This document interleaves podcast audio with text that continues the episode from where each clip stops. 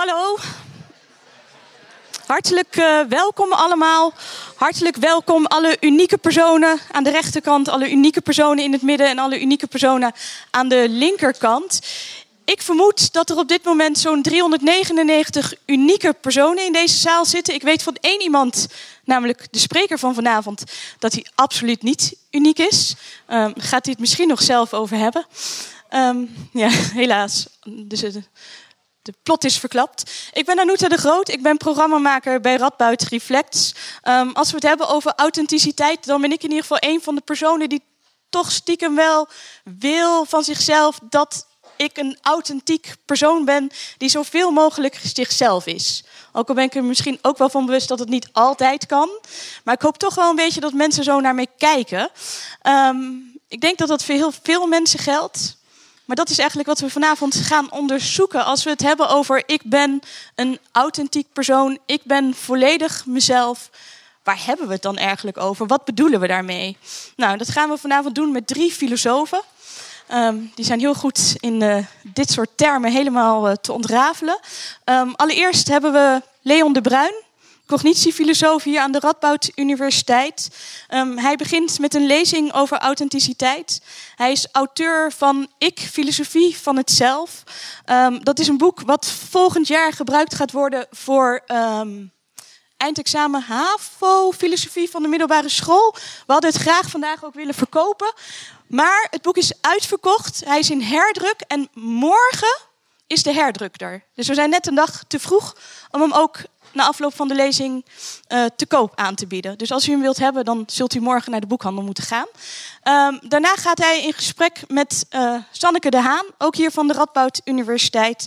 En um, zij is, ik noem haar een filosoof van de psychiatrie, maar zij houdt zich bezig met alle filosofische vraagstukken die rond de psychiatrie spelen. Um, het gesprek zal daar ook onder andere een focus op hebben. En Kees Leijhorst ook filosoof aan de Radboud Universiteit, die zal het gesprek leiden. En die geeft natuurlijk ook jullie allemaal de mogelijkheid om vragen te stellen. Ik hoop dat jullie een hele interessante avond hebben. Ik wens jullie heel veel plezier en ik geef heel graag het woord aan Leon de Bruin.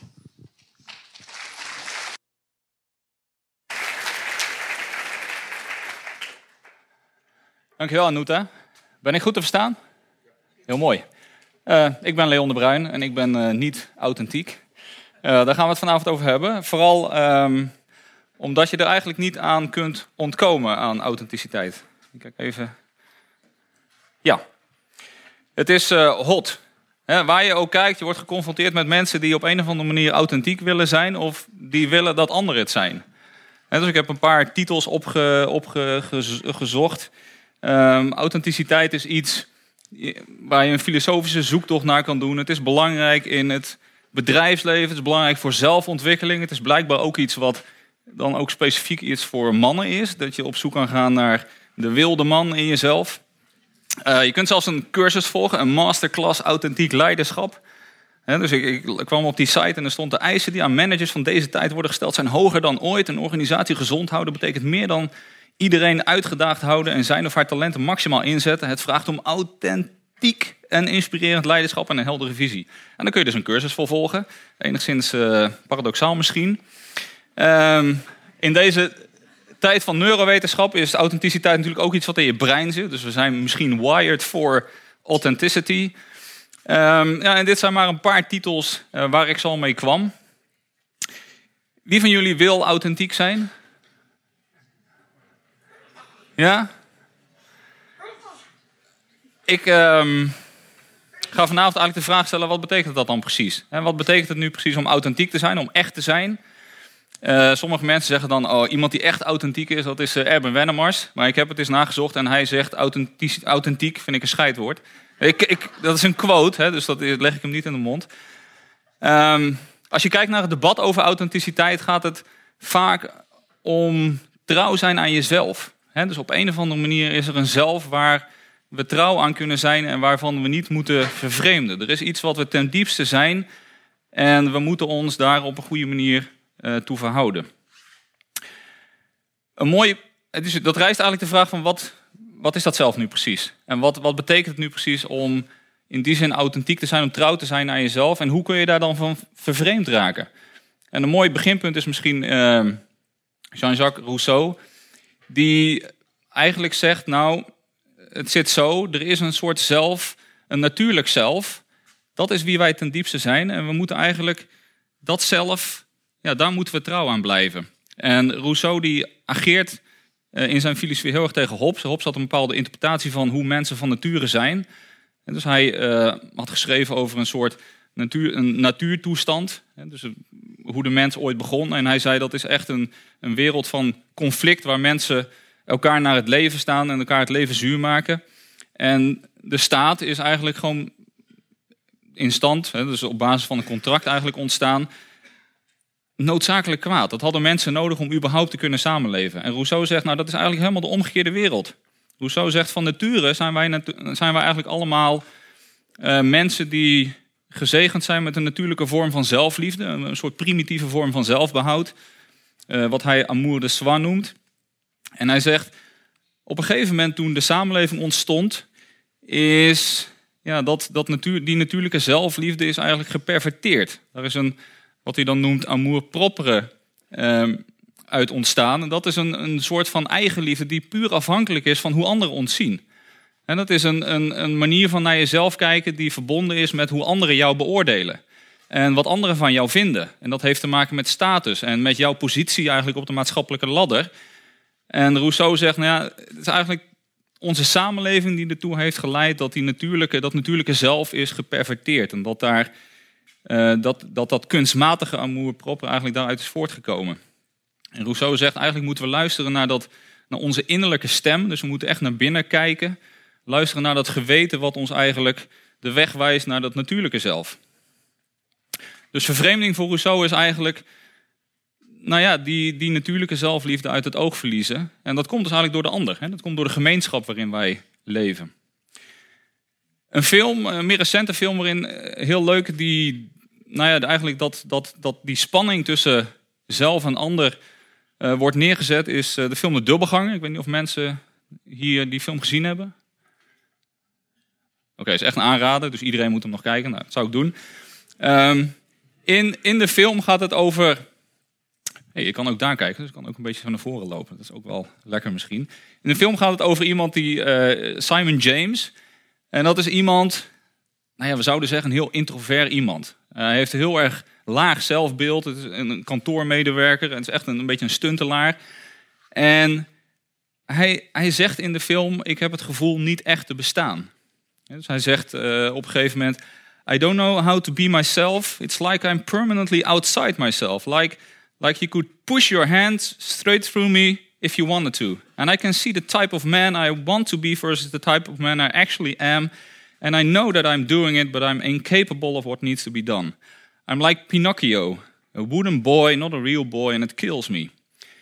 En het interessante aan die film is dat op een gegeven moment zie je dat, dat die, die Simon die probeert eigenlijk te voldoen aan nou ja, de standaard van op de werkvloer. En hij wil daar eigenlijk in meegaan. Maar als reactie daarop zou je bijna kunnen zeggen, wordt hij ineens geconfronteerd met James Simon, een dubbelganger, die uh, daar binnenkomt, die exact op hem lijkt, maar niemand heeft het door. Het is zijn alter ego. En die James Simon is eigenlijk nou ja, zijn tegenpol. Een heel extrovert iemand, uh, vlotte babbel, uh, kan heel goed met andere mensen omgaan en met vrouwen. Want Simon is verliefd op een collega. En James, nou, die weet daar wel raad mee. En die James is een echte estate, zou Kierkegaard zeggen. is iemand die alleen maar uit is op de bevrediging van, van zijn begeertes. En om het contrast even te schetsen heb ik een fragment uit de film. What do? What do you want to... Okay, no, sorry then. I'll just have a Coke and a bagel. We're out of bagels. Oh, right. Then, um... Right. Then I'll just... Come on. Right, sorry. I just. Uh, I'll just. I, I can't just have the Coke then, I guess. A Coke. And you? A coffee. A coffee. And scrambled eggs. You don't serve breakfast in the evening? Why not? Because it says so on the menu. Well, do you still have eggs here? Yeah. And do you have a frying pan? Yeah. Then do me a favor and make me some scrambled eggs. Fine. Anything else? Bacon. Bacon. And toast. And toast. And a beer. and a beer. Anything else? No, that's it. Are you sure? Just give me the damn food. What? I'm hungry. No, it's just.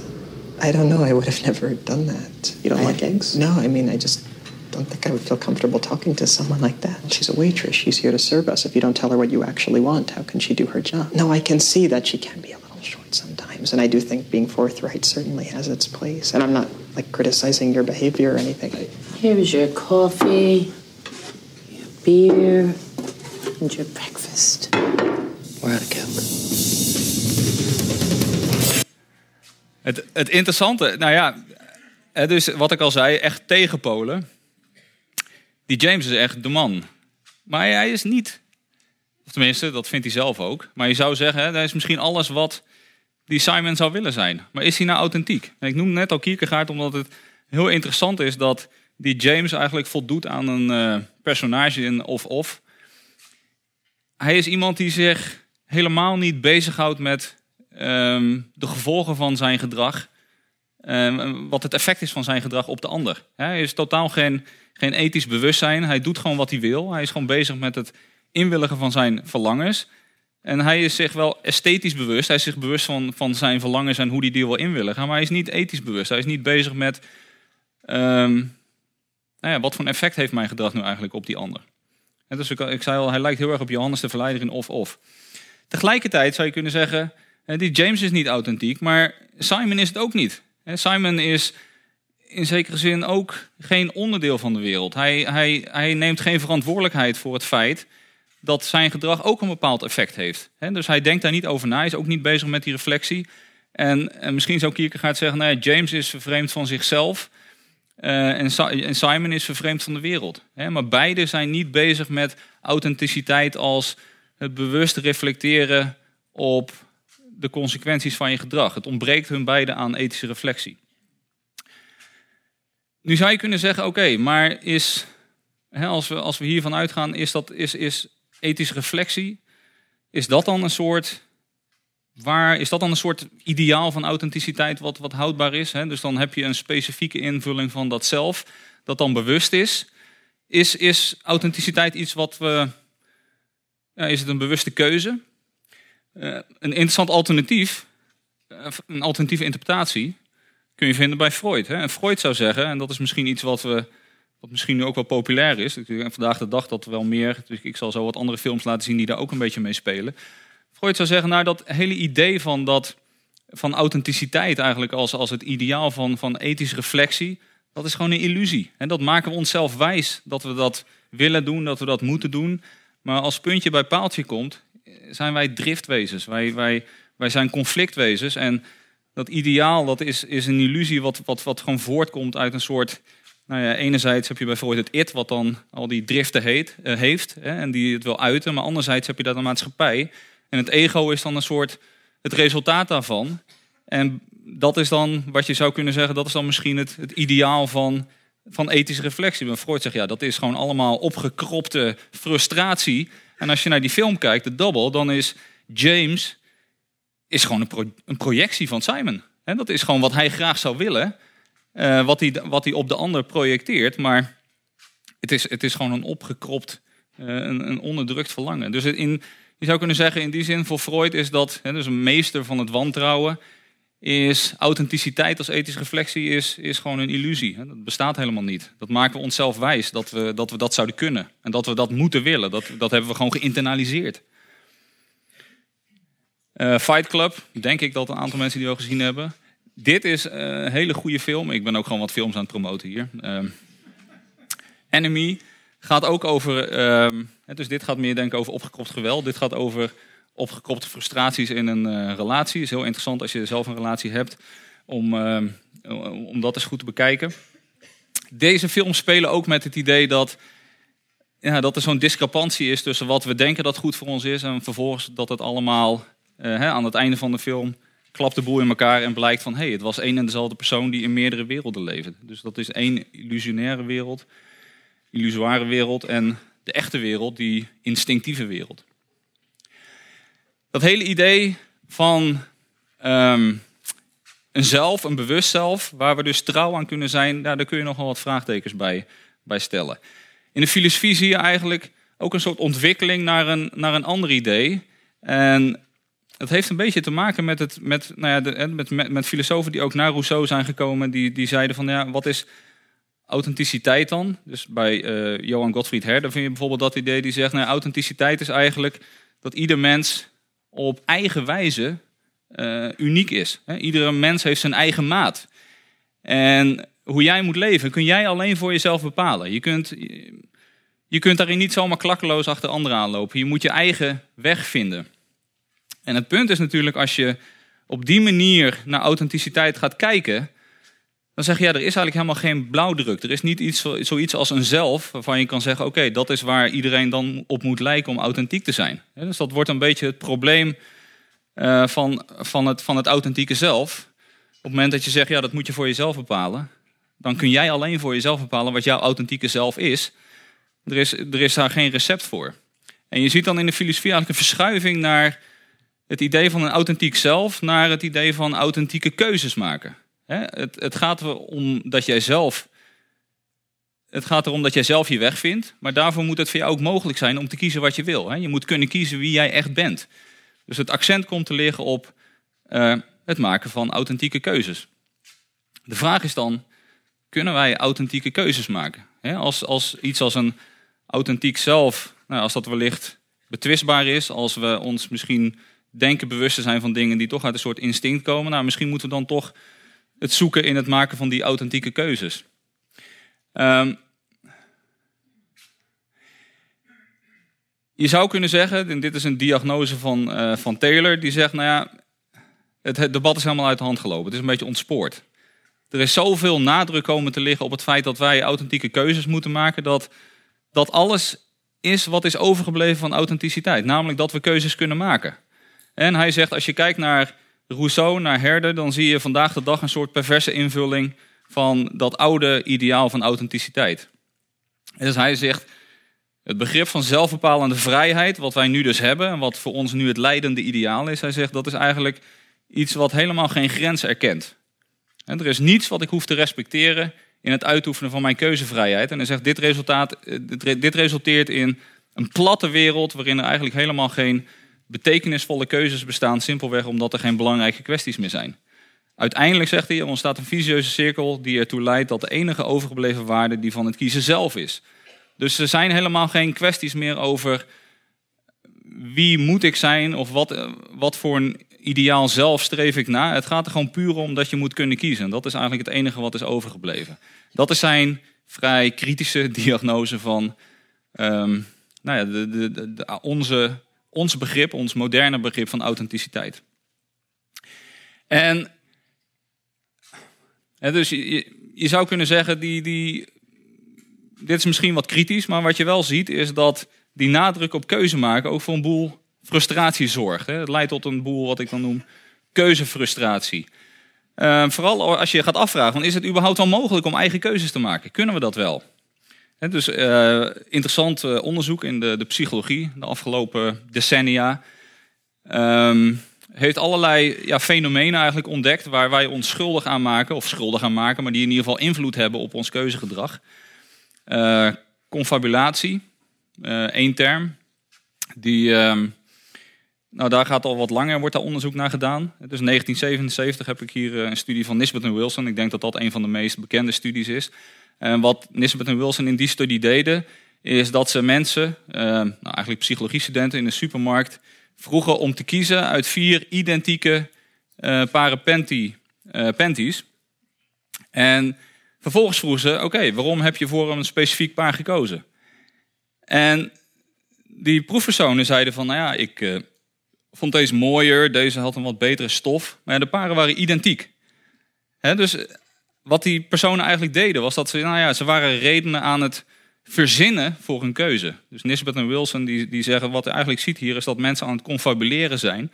Ze denken dat ze de oorzaak van hun gedrag kennen en dat ze dat aangeven en als een reden voor, ze geven dat als een reden voor hun keus. Maar in het echt was het simpelweg wat ze dan het positie-effect noemen. Het feit dat mensen gewoon geneigd zijn om dingen aan hun rechterhand te kiezen. Wat uiteindelijk in dit experiment bepaalde dat die proefpersonen voor uh, een specifieke soort pantycose. En helemaal niet die redenen waar ze zich op beroepen, um, beriepen.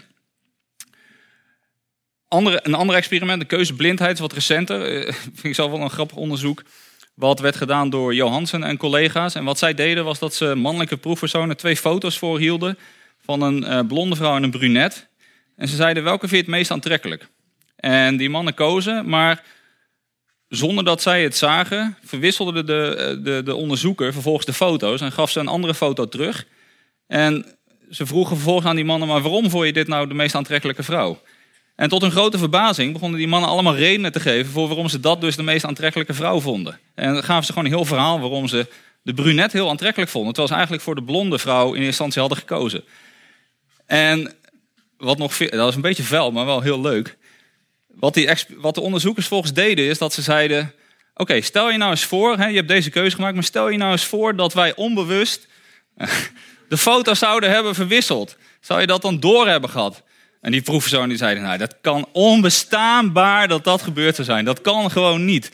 En die wilden dus ook niet aan dat het misschien dus in dit experiment gebeurd was. Want die onderzoekers zeiden, nou, tada, dit hebben we, precies dit hebben we gedaan. 80 procent, ja.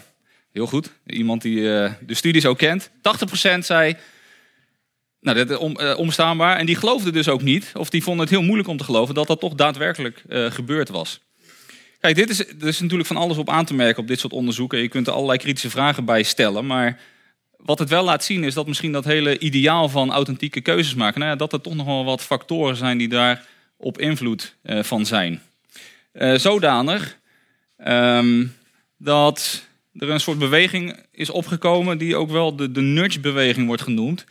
En het idee daarachter is dat mensen heel graag authentieke keuzes maken, maar ze zijn er niet zo goed in. Dus misschien moet je ze gewoon een handje helpen. dus als we bijvoorbeeld in de, de, de welbekende en um, goede kantine hier aan de, aan de Radboud uh, ons eten halen, dan wil ik heel graag die salade. Maar ja, jullie weten, meteen om de hoek staan de kroketten. En ondanks het feit dat ik dan, dat dan graag wil, die, die keuze voor die salade, blijkt gewoon dat de positie van, van, van, de, van het etenswaar gewoon invloed heeft op mijn keuze. Want als je dat zou veranderen. Nu staan volgens mij de, de couscous. Ja, nu een aparte saladbar. Die heb ik er niet bij betrokken. Maar de couscous die staat net een beetje zo in het midden, eh, net achter iets anders. Dus eh, veel lastiger bereikbaar. Maar als je dat zou omdraaien, dan zou ik dus beter mijn keuzes kunnen maken. Dus er zijn mensen, en dit zijn dan economen, die hebben gezegd... we moeten mensen dus helpen, we moeten ze nudgen. Dus we moeten bijvoorbeeld gewoon zeggen dat uh, in dit geval... moet een regel komen dat in de kantine gezonde producten vooraan komen te staan. Het vervelende is eigenlijk in, in, in dit geval dat op het moment dat je dat dan ook vertelt aan de mensen die eten gaan kopen, dat ze dan denken, ja, dag, ik ga lekker toch een kroket halen. Dus dan werkt het wel helemaal niet. Dus het moet ook nog op zo'n manier gebeuren dat je mensen niet bewust uh, daarvan informeert. Um, het punt is ook dat, dat al deze uh, factoren, hè, dus in dit geval de locatie van producten, maar je kunt ook denken aan de donorcodicil. Hè, wat is nou de standaard? Ben je nou standaard wel of niet donor? Dat is heel bepalend voor de keuze die we uiteindelijk maken. Ja, als je het standaard niet bent, is de drempel veel hoger om het om te zetten en vice versa. Um, wederom, dit heeft allemaal een impact op ons keuzegedrag. En wij denken misschien dat we dan bewust authentiek eigen keuzes maken, maar dit lijkt er allemaal mee in strijd te zijn. Aangepaste voorkeuren is een, een ander fenomeen dat zijn voorkeuren waarvan we denken, nou, dat is echt iets wat wij willen. Daar hebben wij echt voor gekozen. Maar nou, er zijn toch redenen om te geloven dat die voorkeuren en die keuzes dan toch onbewust aanpassingen zijn aan onze sociale omgeving. En dat is het bekende verhaal van de fabel van de vos en de druiven. Dat de vos denkt, oh, ik heb zin in druiven. En ik kan er niet bij. En zegt, ah, ze zijn waarschijnlijk zuur, ik hoef ze al niet eens meer. Het is uiteindelijk de, de vos zelf die verandert en niet de omgeving. Dus zijn, zijn keuzegedrag is gewoon puur afgestemd op het feit dat hij niet bij die druiven kan. Dus in, vanuit, die, vanuit dat perspectief zou je ook kunnen vragen. Hè, dus als je vrouwen hebt in een patriarchale maatschappij, die de hele dag bezig zijn met koken, kinderen en de was doen. En je vraagt aan hen, ben je nu tevreden met je leven? En zij zeggen, ja, dit is het leven wat ik wil leiden. Is dat dan een authentieke keuze of niet? Dat is dan eigenlijk de lastige vraag. Kun je daar van zeggen van ja, dit is echt iets wat authentiek gekozen is. Als je weet dat het dus, nou ja, het is een, het is een maatschappij waarin misschien geen andere opties zijn. Een andere voor, nou ja, je, ziet die keuzefrustratie ook terug in, ehm, in literatuur. Dat is een boek waar ik zelf vrij gecharmeerd van was. Ehm, is dat van Rachel, Rachel Kask. Dus als jullie die films hebben gekeken, dan kun je misschien ook aan het boek beginnen. Ehm, en het wordt al door sommigen gekscherend het Passivity Project genoemd. En die hoofdpersonage in het boek, die heeft eigenlijk gewoon geen zin meer om steeds maar keuzes te maken. En, en ja, zoals ik het noem, geen zin meer om tegen de stroom in te roeien. En dus ze zegt, I had come to believe more and more in the virtues of passivity and of making a life as unmarked by self-will as possible. One could make almost anything happen if one tried hard enough, but the trying, it seemed to me, was almost always a sign that one was crossing the currents, was forcing events in a direction they did not naturally want to go. There was a great difference, I said, between the things I wanted and the things that I could apparently have, and until I had finally and forever made my peace with that fact, I had decided to want nothing at all. Dus het is een soort van, laat maar zitten. Het is ook een, een, een, een last, hè? Dat, dat moeten kiezen, die, die authentiek moeten kiezen. Waarom, waarom, waarom willen we dat dan zo? En het, het, het mooie aan het boek is dat de hoofdpersoon in, in Outline eigenlijk naar voren wordt geschoven als een soort onbeschreven blad, wat zich gewoon laat beschrijven door de andere personages in het boek.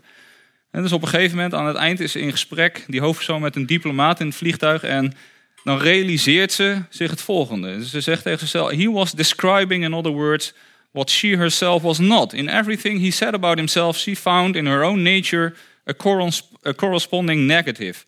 This anti description, for want of a better way of putting it, had made something clear to her by a reverse kind of exposition.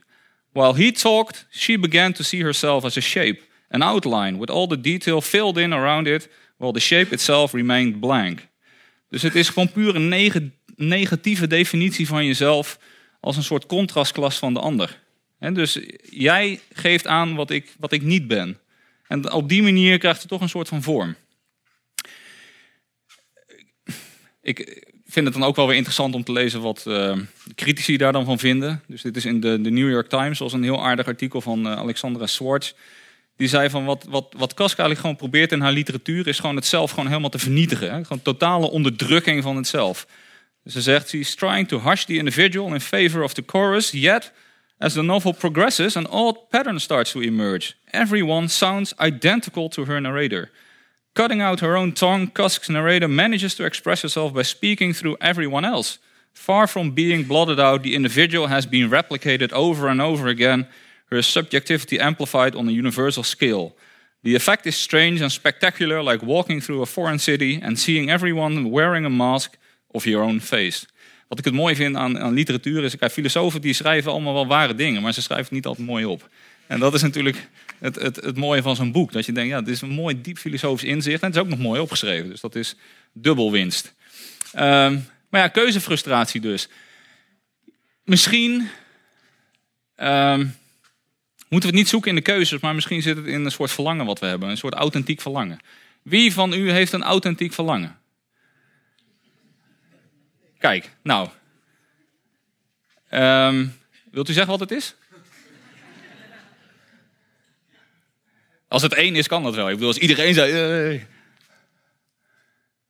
We kunnen het ook zo in de discussie doen. Toch een zekere zelfontstijging, om het zo maar eens te zeggen. Ja. Dat klinkt een beetje vaag, maar als je een beetje aanvoelt, misschien hebben wel veel meer mensen uh, dat, dat het bewustzijn dat groter is ja. dan zo beperkt. Oké, okay, dus het idee is om jezelf te ontstijgen, hè? om een soort. Ja, op een hoger niveau te komen. Om even heel, dat klinkt heel banaal natuurlijk, maar dat is even hoe ik het nu verwoord. Um, ja, het is eigenlijk flauw om dit te vragen, want nu ga ik helemaal vertellen dat, dat al die authentieke verlangens allemaal afgeleid zijn. uh, René Girard is twee jaar geleden overleden. En hij is natuurlijk bekend geworden van die theorie van mimetische begeerte. En wat Girard eigenlijk zegt is dat al die authentieke verlangens helemaal niet uit onszelf komen. Wij zijn mimetische figuren. Wij begeren slechts wat anderen begeren. Onze begeerten zijn allemaal afgeleid. En hij noemt dat authentieke verlangen, wat in de romantiek ontstaat, noemt hij daarom ook een romantische leugen. Dat idee dat wij zelf authentieke verlangens hebben, dat, dat, dat, dat, dat klopt gewoon niet. En hij, hij heeft ook een heel interessante Volgens mij is dat in zijn eerste boek, ehm, Geweld en het Heilige. Ik weet niet precies wat de Nederlandse vertaling is. Ehm, waarin hij eigenlijk een, soort- een soort kritiek geeft op Freud. En hij zegt, Freud had het, had het mis. Het, het, het is helemaal niet de begeerte naar de moeder... die aan de basis ligt van de rivaliteit met de vader. Het is puur het begeren van het kind wat de vader wil. Het gaat niet, in het verlangen gaat het helemaal niet om het object. Want het object kan van alles zijn. Het gaat erom dat wij ons rolmodel willen imiteren. Dat wij gewoon puur verlangen wat ons rolmodel verlangt. En Girard zegt dat leidt tot een, wat hij dan noemt, double bind. Enerzijds hebben wij mensen nodig die ons laten zien wat ons verlangen zou kunnen zijn. Daar, die moeten ons eigenlijk, eigenlijk gewoon voordoen waar we, van, waar we van zouden kunnen houden. Wat we zouden moeten willen. Maar tegelijkertijd, op het moment dat ze dat doen, is dat verlangen, dat wordt gefrustreerd. Want zij staan er als obstakel tussen. Het, verlangen, het object van dat verlangen is niet bereikbaar. En ehm, dat is dan vervolgens ook volgens Girard eigenlijk onze menselijke conditie. Enerzijds kunnen we niet zonder mimese. We hebben het nodig voor cultuur. We moeten dingen leren. We moeten dingen imiteren. Maar tegelijkertijd, dat is dan die double bind, volgens mij een term in de communicatie waarin je twee verschillende boodschappen krijgt. Dus we zeggen tegen het kind, imiteer mij, imiteer mij. Maar tegelijkertijd, als ze het dan gaat doen, zeggen we, oh, oh dit is voor mij. Dit, dit kan niet. Jij mag nog geen snoepjes, want je moet goed eten. En dat is, nou ja, dat is de lastige positie waarin we ons bevinden. Je zou kunnen zeggen, al dat gepraat over authenticiteit. Misschien zijn we gewoon een soort is een, obsessie. Hè? Zijn we niet te veel met onszelf bezig? Uh, in 1979, Lash zei. eh, We zitten in een cultuur van narcisme. En er zijn mensen die hebben gezegd: van ja, als je kijkt naar wat de DSM-criteria zijn voor narcisme, dan komt dat vrij dicht in de buurt van wat we onder het authentieke ideaal verstaan. Dus ik heb gewoon eens even de DSM-4 erop eh, nageslagen. Ik weet, ik weet, dit is een oudere versie, maar ik zal zo ook iets zeggen over de DSM-5. Ehm, ik heb er vijf uitgezocht van de negen, waarvan je dan zou kunnen zeggen, nou, dit lijkt misschien een beetje op authenticiteit. Er zijn er nog vier, maar die, die gaan ergens anders, dat zou ik zo zeggen. Maar ja, het belangrijke is dat je de vijf nodig hebt van de negen om in aanmerking te komen voor de stoornis. Dus als je super authentiek bent, dan ben je dus ook een narcist, volgens de DSM. En dus de, de criteria zijn als volgt. De persoon is geobsedeerd door fantasieën over roem, macht, genialiteit, seksuele prestaties of een ideale, blijvende liefde. Hij vindt zichzelf uniek of zij en ze meent, meent alleen begrepen te worden door even unieke en speciale mensen of instellingen. Vond ik zelf erg grappig. Dus de radboud is de enige instelling die mij begrijpt. De persoon heeft het gevoel zelf heel belangrijk te zijn en eist als zodanig beschouwd worden, heeft weinig inlevingsvermogen en kan moeilijk rekening houden met anderen, want je bent toch bezig met je eigen project. Dat is belangrijk. En de persoon heeft een enorme behoefte aan aandacht, bevestiging en bewondering. Nou, er zijn nog vier criteria, maar die zijn niet zo van toepassing op authenticiteit. Die neigen meer richting psychopathie. Dus bijvoorbeeld een criteria is als je die roem niet krijgt, dat je dan woedend wordt. En dat je geneigd bent om anderen sociaal te manipuleren. Nou, in de nieuwe eh, DSM-5 is ehm, narcisme is nu ook onderdeel geworden van antisociale persoonlijkheidsstoornis. En daar schuift het lekker in tegen psychopathie, wat daar ook onderdeel van is. Dus ik weet niet of dat helpt in deze nieuwe categorisering. Ehm, maar je zou kunnen zeggen, nou misschien is authenticiteit dus ook wel iets wat we gewoon een beetje overdreven hebben met z'n allen. Misschien is het dysfunctioneel geworden. Ik zelf denk dat, wel, dat dat wel meegaat, of dat dat wel meevalt, maar toch ergens zie ik dus wel fundamentele problemen met die discussies over authenticiteit. Dus als ik gewoon even kijk van wat we tot nu toe hebben gedaan, dat hele idee dat je trouw moet zijn aan een zelf, ja, dan is de vraag, wat is dat zelf? Ehm, of je daar dan bewust mee bezig moet zijn, dan is de vraag van kun je dat wel? Of word je toch gewoon gedreven door instinct? Als we dan doorgaan, dus in plaats van focussen op dat zelf en denken van misschien moeten we bezig zijn met de keuzes die we maken, moeten we authent- authentieke keuzes maken, dan, dan zie je al die factoren eigenlijk die, op invloed zijn, die van invloed zijn op dat proces. En zou je kunnen zeggen van ja, authentieke keuzes maken is misschien ook gewoon te hoog gegrepen. Als het gaat om onze verlangens, zou je kunnen zeggen, nou misschien nou, laten we zeggen dat sommige mensen ze wel dat dat authentieke verlangens zijn, maar in dit geval, hè, als we Girard geloven, dan is dat allemaal afgeleid en ontleend aan, aan de ander. En dan is de vraag, ja, wat blijft er dan nog van over, van authenticiteit? En van mij betreft hoeft het niet, het hoeft niet echt een stoornis te zijn. Maar ik, nou ja, ik zal het nu dus ook gewoon toelichten, hè, dus het is al een soort van verklapt. Ik ben totaal een niet authentiek persoon. Ik, mijn keuzes worden heel vaak bepaald door andere mensen. En hoe dichter die mensen bij me staan, hoe beter ze dat kunnen. En het is ook niet een kwestie van dat ze zeggen van nu ga je dat doen en dan ga ik dat doen. Het is meer soms een gevolg van jarenlange onbewuste invloeden dat ik dan een keuze maak. Zullen we die muur roze verven? En dat ik dan zeg, nou goed, mooi hè? En dan zeg je, ja, maar dat heb ik al, al vier jaar van tevoren ben ik met dit proces eigenlijk in de weer gegaan. Dat de roze best een mooie kleur is voor een muur. Ehm, de verlangens die ik heb, het zijn vaak verlangens die, ja, die ik bij. Ik zie dan andere mensen en dan denk ik, wauw, dat wil ik ook. Wat een bijzonder persoon. Ik ga dat ook proberen. Ik ga dat ook nadoen. En het mooie van, denk ik in ieder geval, dus dit is dan meer een soort, nou, je zou kunnen zeggen, tegenwicht voor, voor de hele filosofische discussie. Het is meer een soort eigen, een persoonlijk verhaal. Dat ik denk, ja, wat is daar nou mis mee? Waarom is het zo belangrijk om authentiek te zijn in de zin dat je inderdaad je eigen keuzes maakt of je eigen verlangens hebt? Wat is er nou mis mee? Gewoon toegeven, gewoon lekker eventjes. Ja, ik ben gewoon een sociaal construct. Alles wat ik wil is afgeleid. Mijn keuzes worden bepaald door anderen en ik voel me er lekker bij. Wat, wat, wat is daar het probleem aan? En dat heeft ook een beetje te maken, en misschien is dat dan toch weer een beetje een filosofische component binnenhalen, of gewoon dure woorden gebruiken, terwijl je het makkelijk kunt vertellen. Dat kunnen filosofen ook goed. Hè?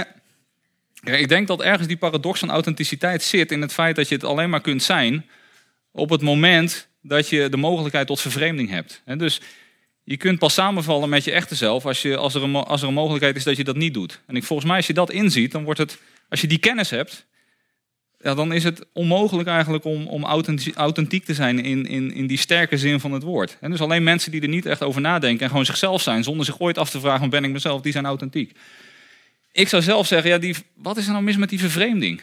Is het, is het erg om vervreemd te zijn van jezelf? Is het, is het, is het soms juist niet goed? Dat je, dat je denkt, ben ik dit echt? Nee, maar het voelt dan een stuk beter. Of mijn oude zelf, nou ja, ik ben er totaal van vervreemd. Maar jongens, dat is echt geholpen. Mensen die kunnen nu normaal met mij omgaan en vinden me een sociaal figuur. En je hoeft niet meteen dan een soort Simon James te worden. Hè, dus dat is dan het, het, het, het uiterste. Kan daar geen middenweg bestaan.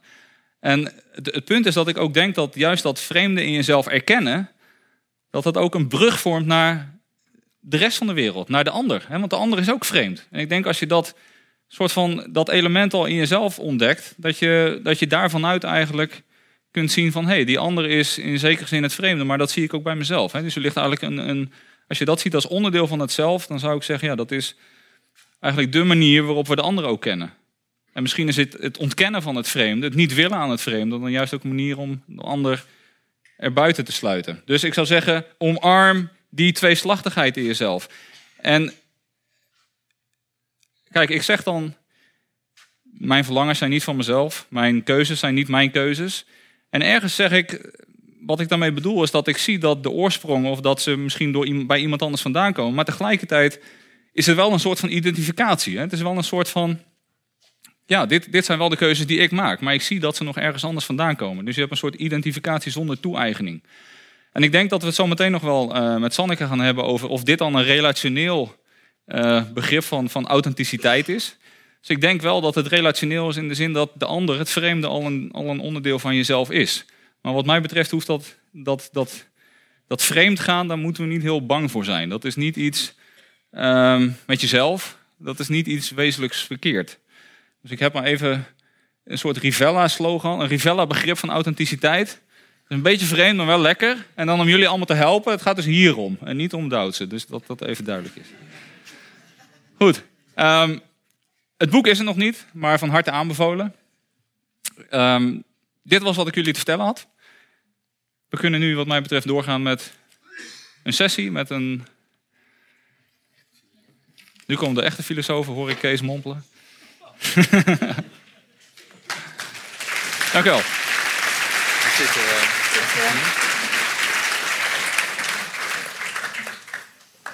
Ja, dankjewel. Um, om het bruggetje even te maken, uh, Sanneke, jij werkt. Uh, je bent inderdaad de filosoof, niet alleen de cognitiefilosoof, maar de echte filosoof. Uh, en je werkt over, um, je werkt over, laten we zeggen, filosofie van de psychiatrie. En het begrip authenticiteit is een centraal begrip voor jou. Um, ik kan me voorstellen, ja, ik zou bijna willen, willen, vragen: wat gaat er door je heen als je dit verhaal hoort? Maar ik wil het iets conceptueel uh, op een hoger niveau. Uh, Leon heeft net een aantal verschillende mogelijke begrippen van authenticiteit laten zien. Zoals uh, eigenlijk een echte filosoof eigen is. En ze ook stuk voor stuk min of meer gedemonteerd. Hè? Dus uh, authenticiteit is ethische reflectie, ja maar Freud. Uh, authenticiteit is het maken van keuzes, ja maar nu, we vinden nu alleen maar het maken van keuzes zelf. Het is zo leeg geworden, Charles Taylor dat we daar ook niks meer aan hebben. Authenticiteit is authentieke verlangens. René Girard, er is geen verlangen dat authentiek is. Um, nou kan ik me voorstellen dat als je werkt eh, over uh, psychiatrie, um, dat je aan al die verschillende begrippen en vooral de demontage daarvan, dat je niet zoveel hebt. Omdat ik me kan voorstellen dat in de psychiatrie authenticiteit wel degelijk een, een operationeel begrip moet zijn. Het kan een therapiedoel zijn, denk ik. Meer jezelf worden of zo. Uh, het kan een probleem zijn. Zijn mijn ervaringen wel mijn ervaringen? Zou je iets kunnen zeggen wat je als reactie hierop vanuit jouw ja, perspectief waar je mee bezig bent. Ja, ja dankjewel. Um, ja, waar te beginnen? Um, misschien aan te beginnen met het laatste, zeg maar, een soort van motivatie om überhaupt in authenticiteit geïnteresseerd te zijn en niet, zeg maar, de baby-authenticiteit met het badwater, problemen van authenticiteit uh, weg te gooien. Um, binnen de psychiatrie is inderdaad authenticiteit een belangrijk thema. en dan gaat het heel bazaal om, stel ik ben depressief en ik ben ongelukkig in mijn werk of ik ben ongelukkig in mijn relatie. Is dat nou, moet ik nou stoppen met die relatie, stoppen met mijn werk? Of voel ik me zo omdat ik depressief ben? Hoe kan ik dat soort van uit elkaar houden? Hoe betrouwbaar is mijn ervaring? Um, en hetzelfde geldt voor medicatie. Dus um, stel ik uh, neem Ritalin, of ik neem antidepressiva. Is dat dan iets wat mij helpt meer mezelf te zijn?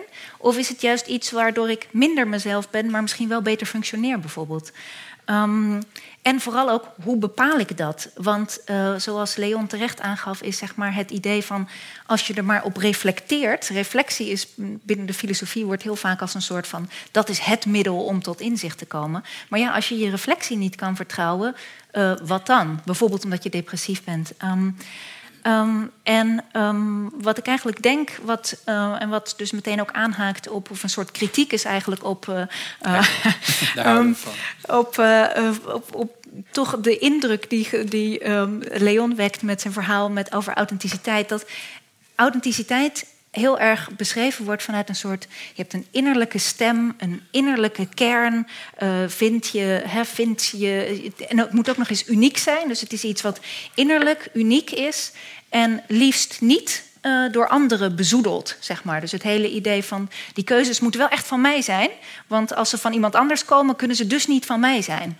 Um, ik denk dat dat eigenlijk een soort valse tegenstelling is als je over authenticiteit nadenkt. Um, Um, want om even terug te gaan naar die psychiatrische patiënten. Stel, ik ben depressief en ik moet zo'n keuze maken van um, ga ik mijn baan opzeggen of niet. Wat dan een heel logisch iets om te doen is, is om mijn vrienden te bellen of mijn familie om raad te vragen. Um, en dat anderen eigenlijk mij kunnen helpen om erachter te komen van... ja, nee, eh, de vorige keer dat je depressief was... wilde je ook je baan opzeggen. En toen was je toch blij dat je het niet gedaan had... toen je niet meer depressief was. Um, en in die zin kunnen, denk ik, anderen heel goed je helpen om authentiek te zijn. Dus je zou kunnen zeggen een soort relationele ondersteuning van, um, uh, om authentiek te zijn. En dan is het dus niet zo dat zeg maar, anderen een bedreiging vormen van je authenticiteit. Het is niet zeg maar zo, het, mijn interne authentieke kern zelf. Uh, um, die moet ik zeg maar, ik moet naar binnen kijken wat ik eigenlijk wil. Nee, er zijn een aantal dingen die bij mij passen. En andere mensen kunnen mij helpen om dat eh, zeg maar helder te krijgen. Um, en dan is, gaat het dus niet zozeer, authenticiteit gaat dan niet zozeer om uniek zijn. Het gaat niet zozeer om ik versus de ander, maar het gaat meer om um, eigen versus vreemd. En daarmee bedoel ik met vreemd, bedoel ik dan dus inderdaad van in hoeverre is het eh, ehm, is het bijvoorbeeld het gevolg van medicatie die je neemt, of een gevolg van een stoornis dat je iets denkt, of bijvoorbeeld inderdaad doordat je op een bepaalde manier door je ouders bent opgevoed en waar je dan in therapie achterkomt van, hé, hey, maar vind ik dit eigenlijk wel zelf? Is dit wel echt wat ik belangrijk vind? Ehm, maar dan nog is het een psychotherapeut die je helpt, of vrienden die je helpen om tot dat inzicht te komen, zeg maar. Dus, ehm, dus ik denk dat anderen niet zozeer, niet per se een bedreiging in die zin zijn, maar juist ook een uh, hulp kunnen zijn. Oké, dankjewel. Ja, ja je wil meteen uh, ik wil meteen op los. Ja. Uh, nee, kijk, ik denk dat we een deel van de kritiek delen. Dus mijn, mijn het eerste, uh, het slot van mijn verhaal ging meer over hoe ik het zelf dan zag. Maar het begin was gewoon een lange kritiek op, wat jij, op dingen die jij net ook al aangeeft. Ik denk wel, je gaf het voorbeeld van die vrienden die jou dan helpen te herinneren aan wie je bent of zo. Maar daar zit volgens mij nog steeds, zou je kunnen zeggen, ja, maar die grijpen gewoon terug op een oud beeld wat ze hebben van jou. Maar dat wil helemaal niet zeggen dat dat goed is of dat dan, dat, dat degene is die je moet zijn. Mm en dus je kunt zeggen van, nou, misschien moet ik dit keer gewoon wel mijn baan opzeggen. Is dat juist goed? Dat kun je, daar kun je eigenlijk niet zoveel over zeggen, denk ik. Dus daarom, als anderen jou helpen om authentiek te zijn, zou ik zeggen, ja, anderen kunnen dan zeggen, nou Leon, hoe ik je nu ken, 9 van de 10 keer doe je altijd dit, dus dit zal wel weer de tiende keer worden. Maar is dat dan, helpen ze mij dan om mezelf te zijn? Ja, maar misschien wil ik het juist wel niet, of misschien wil ik toch wel veranderen. En dan, dan werkt dat niet. In de psychiatrie is dat natuurlijk interessanter. Hè? Dus dan heb je toch over ja, medicatie is drugsgebruik. Dus dan, zou je, dan heb je hele rare ervaringen, maar is dat dan niet authentiek? Ik denk dat het heel lang in de geschiedenis in ieder geval super authentiek was. Dat je juist allemaal middelen nam om je te transcenderen. Dus dat dat, juist heel goed was. En de psychiatrie, ja, dan moet ik nu zo'n totaal uh, constructivistische visie op de psychiatrie loslaten. Om dan te zeggen, ja, maar zo'n therapeut denkt ook alleen maar van... ik moet diegene, ik heb nog zes sessies en uh, hupsakee, wat wil je? Um, dus helpt een, helpt een, in welke zin, nou dat is een, een soort wederzaag, in, in wedervraag. In welke zin helpt een therapeut je dan om authentiek te worden?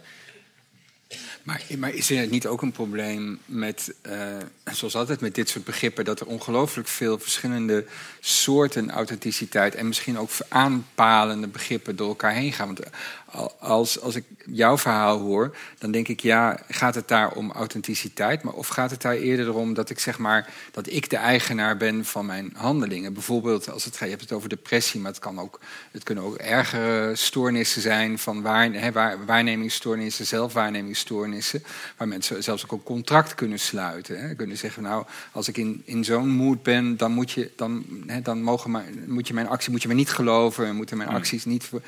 Um, en dan kom ik weer terug in een. Maar, maar dat, is dat, gaat dat om authenticiteit of gaat het om een ander begrip? Zoiets als ownership, eigenaarschap van mijn, van mijn handelingen. Hebben jullie het eigenlijk wel over hetzelfde? Nou ja, dat is altijd een beetje de vraag.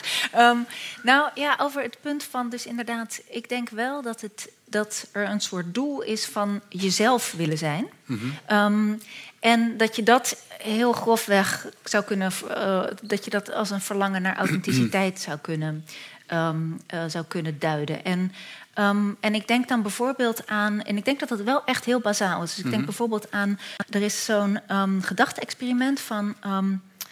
Nozick, denk ik. Um, Robert Nozick, die heeft een gedachte-experiment bedacht. Stel nou voor, je kan, uh, er, er wordt een machine ontwikkeld. Daar kan je je inpluggen en je kan gewoon elke ervaring inprogrammeren die je wil hebben. Dus um, de persoon die jij leuk vindt, wordt verliefd op je. Je gaat daarmee uh, trouwen en kinderen krijgen. Je kan een heel leven inprogrammeren. Zou jij dan in die machine gaan zitten? Uh, ja of nee?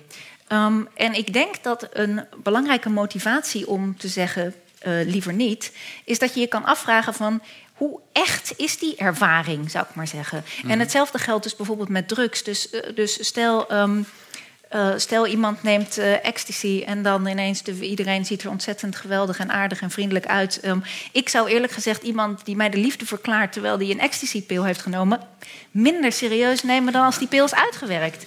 Um, nou ja, je, je kan er meer aanzoeken namelijk.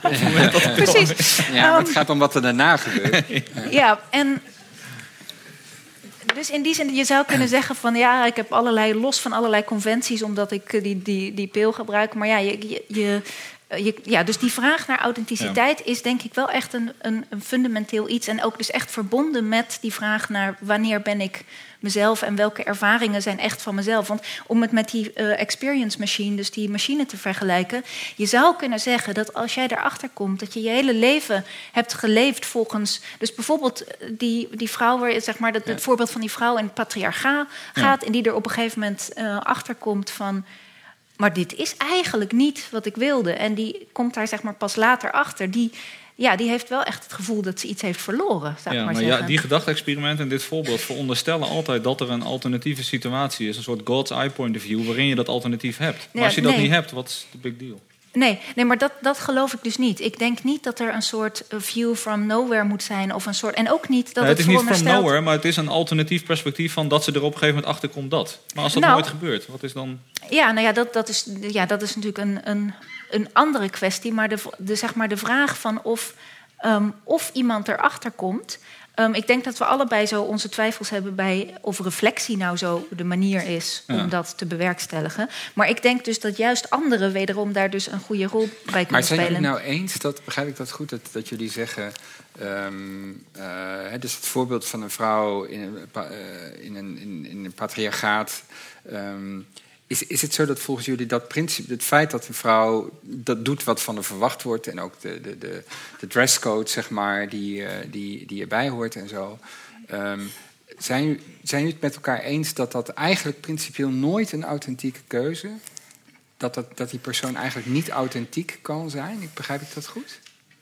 Nee, Ja, voor mij zit het precies in die paradox. Op het moment dat ze het weet, is ze niet meer authentiek. Want dan ga je afvragen van, had ik toch niet dat... Hè, dan krijg je spijt of je denkt dat ik toch niet dat alternatief moet hebben. Maar dat impliceert, en dat is misschien ook wat jij wil zeggen... dat er een ander bij zit die, die haar dat, dat, die spiegel voorhoudt. Van kijk, dit ben jij in deze maatschappij. En volgens mij, in die zin is de spiegel misschien niet authentiek. Dat je inderdaad iemand laat zien van kijk... Dit is jouw leven geweest. Dit is met wie je tot nu toe bent samengevallen. Je bent authentiek geweest, maar nu, kijk eens, hier heb je een soort alternatief. Dit zou je kunnen zijn. Ja, en dan Ja, maar er zullen genoeg mensen moment- zijn die ook zeggen... nee, maar dan nog vind ik dat ik het, Ja, eh, het, het ja. goed gedaan heb. Zeg maar. Of dan ben ik blij met hoe ik het gedaan Ja, heb. maar Dus- dan vind ik het dus een moeilijkere vraag. Ja. Want dan, dan denk ik echt van, ja, je- dan, dan vind ik het moeilijk om inderdaad te zeggen... dit is echt een authent, authent- authentieke keuze. Ik vind dat een hele lastige Nou ja, goed, je, je hebt het jezelf moeilijk gemaakt, om- omdat authenticiteit... Je, bedoel, je wilt het begrip eigenlijk zo, ja, zo, zo, zo smal mogelijk maken eigenlijk, toch? Dus voor jou is die vraag sowieso heel, heel moeilijk... omdat het begrip authenticiteit zelf niet een voor jou heel belangrijk, eh, dicht begrip is. Of, Ik weet, nee, volgens mij niet. Volgens mij, alles, de, volgens mij is het eerste deel van mijn presentatie niks moeilijks voor mij... omdat ik gewoon de bestaande visie een beetje bekritiseer. Dus ik heb me daar heel safe... Jawel, maar het gaat niet om jouw visie. Nee, maar mijn visie zat aan het eind. Ja. En Daar, nou ja, daar zat het. Oh, je bedoelt dat, het, dat dit voorbeeld van die vrouw, dan zou ik het nu zodanig moeten uitleggen dat haar keuze dan wel of niet authentiek is? Ja, ja dus gegeven, gegeven jouw verhaal van je moet vreemd gaan en eh, wel vreemd, Ja. eh, lekker. eh, dat is sowieso moeilijk voor een Ja. vrouw patriarcha. Maar, maar, maar, maar Nou, kijk, en dat is misschien het verschil. Nou, maar dit is misschien precies het verschil met, met Sanneke. Dat bij mij het, kijk, er zit wel, of het verschil, maar ook de overeenkomst, dat het relationeel is. Dat je accepteert van bepaalde eh, keuzes die worden voor mij gemaakt. Eh, maar er moet wel een soort van toe, er moet een soort van, nou, enerzijds een, een, een erkenning zijn zonder een toe-eigening. Dus ik moet inderdaad doorhebben van dit doe ik omdat anderen het willen, of dit doe ik. Maar je moet daar wel een soort van vrede mee hebben. Op het moment dat je zegt, dit wil ik niet. Hè, dus ik heb mijn leven lang dit gedaan, maar eigenlijk haat ik het. En nu zie ik het alternatief.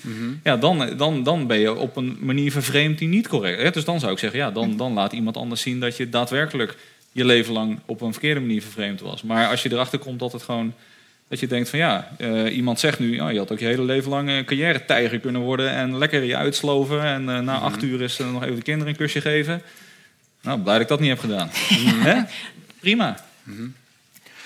Sander, ik, ik kan me ook voorstellen dat, dat, dat eh, je, je noemde net al een paar voorbeelden eh, van, laten we zeggen, stoornissen, psychiatrische problemen. Eh, maar dat het voor die verschillende problemen, dat hele begrip authenticiteit ook verschillend werkt. Ik heb met fascinatie gekeken naar een televisieprogramma over dwangstoornis, waar een groep jongeren gevolgd worden die daarvan afgeholpen worden. En de manier waarop ze daarover praten is, het is ofwel de dwang doet iets, ofwel zij doen iets. En het idee is natuurlijk dat ze leren om zelf iets te doen en niet de dwang, hè, dus de, de, obsessie of de compulsie, iets te, iets te laten doen. In dat geval zou ik zeggen, zou je het met me eens zijn om te zeggen, dan is het eigenlijk ook weer daar het streven naar meer authenticiteit. En, en dat is vraag één. En vraag twee, hoe verhoudt zich tot dat, dat, dat relationele idee van, van, van, eh, van Leon? Want het wordt, er wordt over gepraat als meer, dit moet meer van mijzelf worden. Mijn gedrag moet meer van, mij, van, van mijzelf worden. En dat gaat, daar gaat het helemaal niet om de ander. Dan gaat het om de eigen ervaring. Zou, zou je daar iets over willen Ja, ehm, ja, ten eerste inderdaad, eh, dus eh, obsessieve, eh, obsessief-compulsieve stoornis is in die zin een vrij bijzondere ehm, ehm, eh, psychiatrische aandoening, waarbij dat wordt dan ehm eh, ego-dystoon genoemd. Dus dat heel nadrukkelijk mensen het voelen als iets wat niet, wat ze gewoon, wat niet bij ze hoort, zou ik maar zeggen. Wat gewoon echt vreemd voelt. Ik moet dit doen, maar ik wil dit gewoon echt niet doen. Het is volkomen duidelijk dat ze ervan walgen Ja. zelfs. Uh, wat het overigens ook een extra uh, belastende en zware stoornis maakt. Um, in het geval van bijvoorbeeld um, bipolaire stoornis, met, um, ja, waarin je soms uh, manisch of half manische toestanden hebt en soms meer depressieve situaties, is dat bijvoorbeeld alweer heel anders. Want daar kan je bijvoorbeeld veel meer dat mensen zeggen: ja, maar op een bepaalde manier hoort die heftigheid ook bij mij. Dus als je dan medicatie neemt die de boel vervlakt, die die pieken en dalen eraf haalt, dat mensen dan zeggen: ja, het is wel makkelijker, maar het is wel, ik ben wel minder mezelf, want het hoort ook bij mij. Um, en um, ja, en wat dat dan, te, ja, je vroeg dan als volgende naar het bruggetje Ja, van ja, naar. Um, ja. Van Want Leon. daar lijkt dus sprake van. Ja, dus het jezelf zijn. Nou ja, wat ik een beetje, wat ik, waar ik een beetje, uh, wat ik denk ik, wat denk ik een beetje verwarrend is, is dat er, dat er heel veel nadruk ligt de hele tijd op. Je wordt cultureel bepaald. Hè? Je wordt genudged, ja. je cultuur bepaalt, je patriar, zeg maar, je, je keuzes zijn altijd beïnvloed door, door mm. buitenaf. Er is niet zoiets als een zelf zijn buiten een cultuur. Dus er is altijd, je bent altijd bepaald door dingen. In die zin vind ik dat minder interessant. Um, uh, ik bedoel, er is niet zoiets als een soort onaangetaste. Nou ja, Rousseau zou dat dus zeggen, maar ik denk dat er tegenwoordig niet veel nee. mensen dat meer echt uh, uh, aannemen, zou ik maar zeggen. Dus, ja. um, maar ik denk niet dat daarmee gewoon je authenticiteit van tafel hebt geveegd, omdat er nog steeds een verschil is tussen de vrouw die wel echt kiest voor ik wil een leven um, in, met mijn gezin. En de vrouw die een andere keuze maakt. En wat is die um, specifieke keuze ja, dan? En wat is echt wanneer is het echt, wanneer is het wanneer een is echte het echt keuze? dus een echte keuze? Nou ja, ik weet niet eens of het zeg maar een of echte keuze dan het belangrijkste punt is. Zeg maar of je handelt in overeenstemming met je waarden. En dat kan heel impliciet zijn. Daarvoor hoef je niet eens. Dit zijn mijn waarden en nu ga ik zo en zo handelen. Uh, maar ik denk wel dat je gelijk hebt dat als het niet zo is, dat het waarschijnlijk is dat er iets schuurt, dat er iets knaagt. Dat ja. als je dan in aanraking komt met een buurvrouw die wel een carrière heeft, of motorrijdt, of uh, vreemd gaat, of weet ik veel wat, dat je dan denkt van uh, dat wil ik ook. Um, uh, um, terwijl als je zelf tevreden bent met het leven wat je heeft, dan heeft dat geen aantrekkingskracht. Maar nu, maar nu noem je denk ik een begrip dat we tot nu toe nog niet zo hebben, over hebben gehad, dat is waarden. Hè? Ja. Dus in overeenstemming met je waarden. Het speelt de rol bij Charles Taylor, die, ja. die jij hebt, hebt genoemd. Um, dus, dus authenticiteit heeft, heeft volgens jou dan toch iets te maken met... ik doe de dingen omdat ze in overeenstemming zijn met de waarden die ik heb. Maar als nou die waarden zelf ook weer uh, aan alle kanten pervers zijn... maar ik, ik dacht meer aan ook bepaald, maar pervers mag ook. Uh, ja, um, misschien mag je... Toe, nou, er is een heel mooi doe voorbeeld. even iets extreem, ja. ja nee, maar er is een, een mooi voorbeeld maar, van... Maar hoe... hoe ja, hè, dan, is het toch, dan is dat begrip authenticiteit toch weer als het ware ondermijnt, omdat je over die waarden ook weer de vraag kunt stellen: ja, maar waar komen die dan weer vandaan? Dus nu lijkt het alsof jij de. Uh, dus je ja. wil niet aan een soort innerlijke kern van nee. jezelf zijn, is. Uh, dat kan ik van binnen vinden. Nee, maar het is handelen in overeenstemming met mijn waarden. Ja, dat is dan blijkbaar ook een soort innerlijke kern of zo. Nee, nee, nee, dat denk ik niet. Um, en ik denk dat daar een soort valse tegenstelling zeg maar, achter zit van. Um, als het gaat over waarden, van waar haal je die vandaan? Ofwel, je haalt ze soort van uit je diepste zelf op een of andere mm. manier, zoals bij Rousseau. Um, ofwel, en dat zie je bij Taylor, um, uh, uh, er, er is een hogere orde, zeg maar, die, um, waar je een soort van connectie mee kan hebben. Terwijl ik denk dat dat allebei niet nodig is en dat je gewoon prima kan zeggen: je leeft in een bepaalde cultuur en daar ben je door bepaald, maar dat maakt bepaalde waarden niet minder waard. Klinkt het nu is het Ja. wel, wordt er erg veel Ja, waard. maar maar, het lastige ehm, is dan volgens, precies, eh, volgens mij op het moment dat je... Je hoeft helemaal niet hogere orde of helemaal van binnen. Maar je hebt ook lagere ordewaarden. Waarvan je zou willen zeggen van... Dat is, niet, dat is misschien niet authentiek. Hè? Dus in de... eh, dus niet direct in de psychiatrie, maar in de geneeskunde heb je bijvoorbeeld voorbeelden van iemand die eh, zelfmoord, of die, die wil een einde, euthanasie, een einde aan het leven maken. Eh, dus een, een voorbeeld wat dan door Mackenzie, een filosoof, wordt beschreven is een vrouw die dan de hele leven al een relatie heeft gehad waarin ze systematisch is vernederd en minder waardig is gevonden. En op een gegeven moment, ze krijgt kanker en de, been wordt geamputeerd en zij zegt, nou jongens, het hoeft van mij niet meer. Ik wil gewoon een, ik wil er gewoon mee stoppen. Maar dat komt voort uit het idee dat ze niks meer waard is. Haar man is na die kanker, na de amputatie weggegaan. Want die vindt het een embarrassment. Hè. Die, vindt het- die wil haar helemaal niet meer met haar leven. Ja, die, de DSM has got his number as well. Precies, ja, hij kan zo eh, aan de andere kant naast narcisme, Ja. of misschien wel en narcisme en nee, weet ik. Ehm, maar dat, dan, dan, dan, dat roept de vraag op: eh, is die keuze van die vrouw authentiek? En dan heb je het gewoon over lage orde waarden, dus niks transcendents aan of niks. Je kunt gewoon zeggen van, nou, dus hij heeft dat gewoon geïnternaliseerd eh, Mhm. vanuit Ja. zo'n omgeving. Maar je wil dan toch een, een meer substantiële uitspraak doen, misschien over of dat dan Ja. wel of niet kan. en wat zou je zeggen dan in dat geval? Of het, of het een authentieke keuze is. Ja. Nou ja, ik denk dus niet, maar dat, kan ik, dat vind ik vanuit het perspectief dat ik een ander plaatje heb van wat een goede relatie is. Hè. Dus dat ik weer die spiegel introduceer van, nou, volgens mij zijn dit goede waarden. En, maar zonder dat te doen, als het dus die vrouw alleen, als die vrouw zou samenvallen met zichzelf en dat niemand tegen haar zou zeggen, dus dat is voor mij het relationele aspect. Mhm. Als niemand tegen haar zou zeggen, maar Ja. kijk eens, het kan ook zo, of dit is een goede relatie. Als niemand jou die spiegel voorhoudt, dan, heb je nooit, dan hoef je zelf nooit die vraag te stellen. En dan is er helemaal geen, geen twijfel over, over of ik authentiek ben. Dus puur het stellen van de authenticiteitsvraag is voor mij ook een mogelijkheid tot ontwikkeling. En überhaupt nadenken over jezelf en, en wat je zou Mhm. willen zijn. Maar is, is het dan zo dat ik eigenlijk ik alleen kan, eigenlijk eh, om het heel, even heel extreem te zeggen, dat ik van jou kan vaststellen of je authentiek bent of niet? Nou, het gekke is, op het moment dat ik er zelf over na ga denken... dan krijg ik meteen al die wrijving. En daarom ben ik in die zin, vind ik authenticiteit dus een paradox, wat ik al zei. Op het moment dat je jezelf gaat afvragen, ben ik authentiek, ben je het al niet meer. Het is een onwetendheid die maakt dat je authentiek bent. Nou ja, dat hoeft, dat denk ik helemaal. Nou, Nee. denk je, nou zeg je authenticiteit in termen van spontaniteit. Maar dat hoeft natuurlijk helemaal niet. Want, want op het moment dat je het denkt in termen van waarden, dan is als je erover nadenkt en het zit goed, dan is het prima. En als je erover nadenkt en het zit niet goed, heb je een reden om je leven te veranderen. Ja, maar het is geen Ehm, spontaniteit. Het is gewoon puur het vaststellen dat op het moment dat je zegt... authenticiteit is trouw blijven aan jezelf. Creëer een dichotomie tussen jezelf en wie je op dit moment bent. En de vraag is dan, ben ik, ben ik oorspronkelijk, kom ik daar aan tegemoet of ben ik vervreemd? En Nee, dat niet- creëert eigenlijk ja. de vraag en, en de mogelijkheid... bestaat dan dat ik, dat ik vervreemd ben. Het is Mhm. niet trouw blijven aan jezelf, maar trouw zijn aan je waarden. En dat is een enorm verschil. Ehm, want inderdaad, trouw aan jezelf, welk zelf dan? Ja. Oké, maar als je zegt trouw zijn aan mijn waarden... dan is daarmee weer de mogelijkheid dat er andere waarden zijn. En dus dan krijg je eigenlijk hetzelfde paradox, maar dan over waarden. Die kunnen zich Ja. ook ontwikkelen. Hè? Dus ja, die kunnen zich dat is ontwikkelen. ook dat voorbeeld van die vrouw, hè? Ja. Dus die, die, die, die, die zal echt een heel ander waardesysteem. Kijk, Ja. en dat dat Eh, relationeel is, daar ben ik het 100% mee eens. Iemand anders Ja. moet tegen jou zeggen van... ja, maar sorry, maar volgens mij ben jij een fantastisch mens... en verdien jij het helemaal niet om zo over jezelf te denken. Ja. En moet je...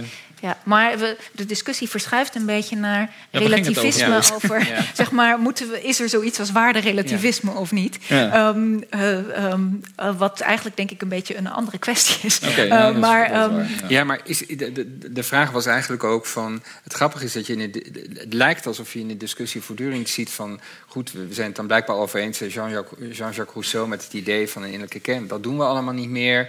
Sowieso een van de meest overrated philosophers of all time. Jij geeft daar les maar, over? Ja, ja, helaas. ja.